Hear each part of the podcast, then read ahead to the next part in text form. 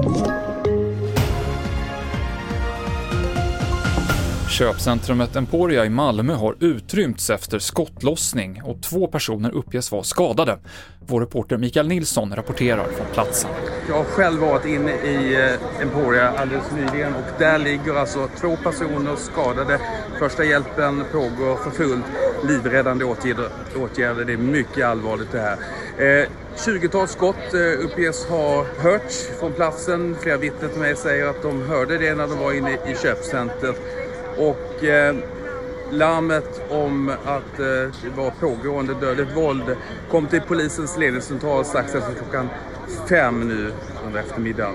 Det är oklart om någon har blivit gripen. Senaste nytt om den här skottlossningen hittar du på tv4.se. Finlands statsminister Sanna Marin har tagit ett drogtest, sa hon på presskonferens idag. Bakgrunden är ett antal filmklipp från sociala medier som kommit ut de senaste dagarna, där Marin dansar och festar tillsammans med vänner och där personer säger saker som tolkas som att de använt droger. Statsministern själv säger att hon bara drack alkohol och inte såg någon använda olagliga droger. TV4-nyheterna i studion Mikael Klintevall.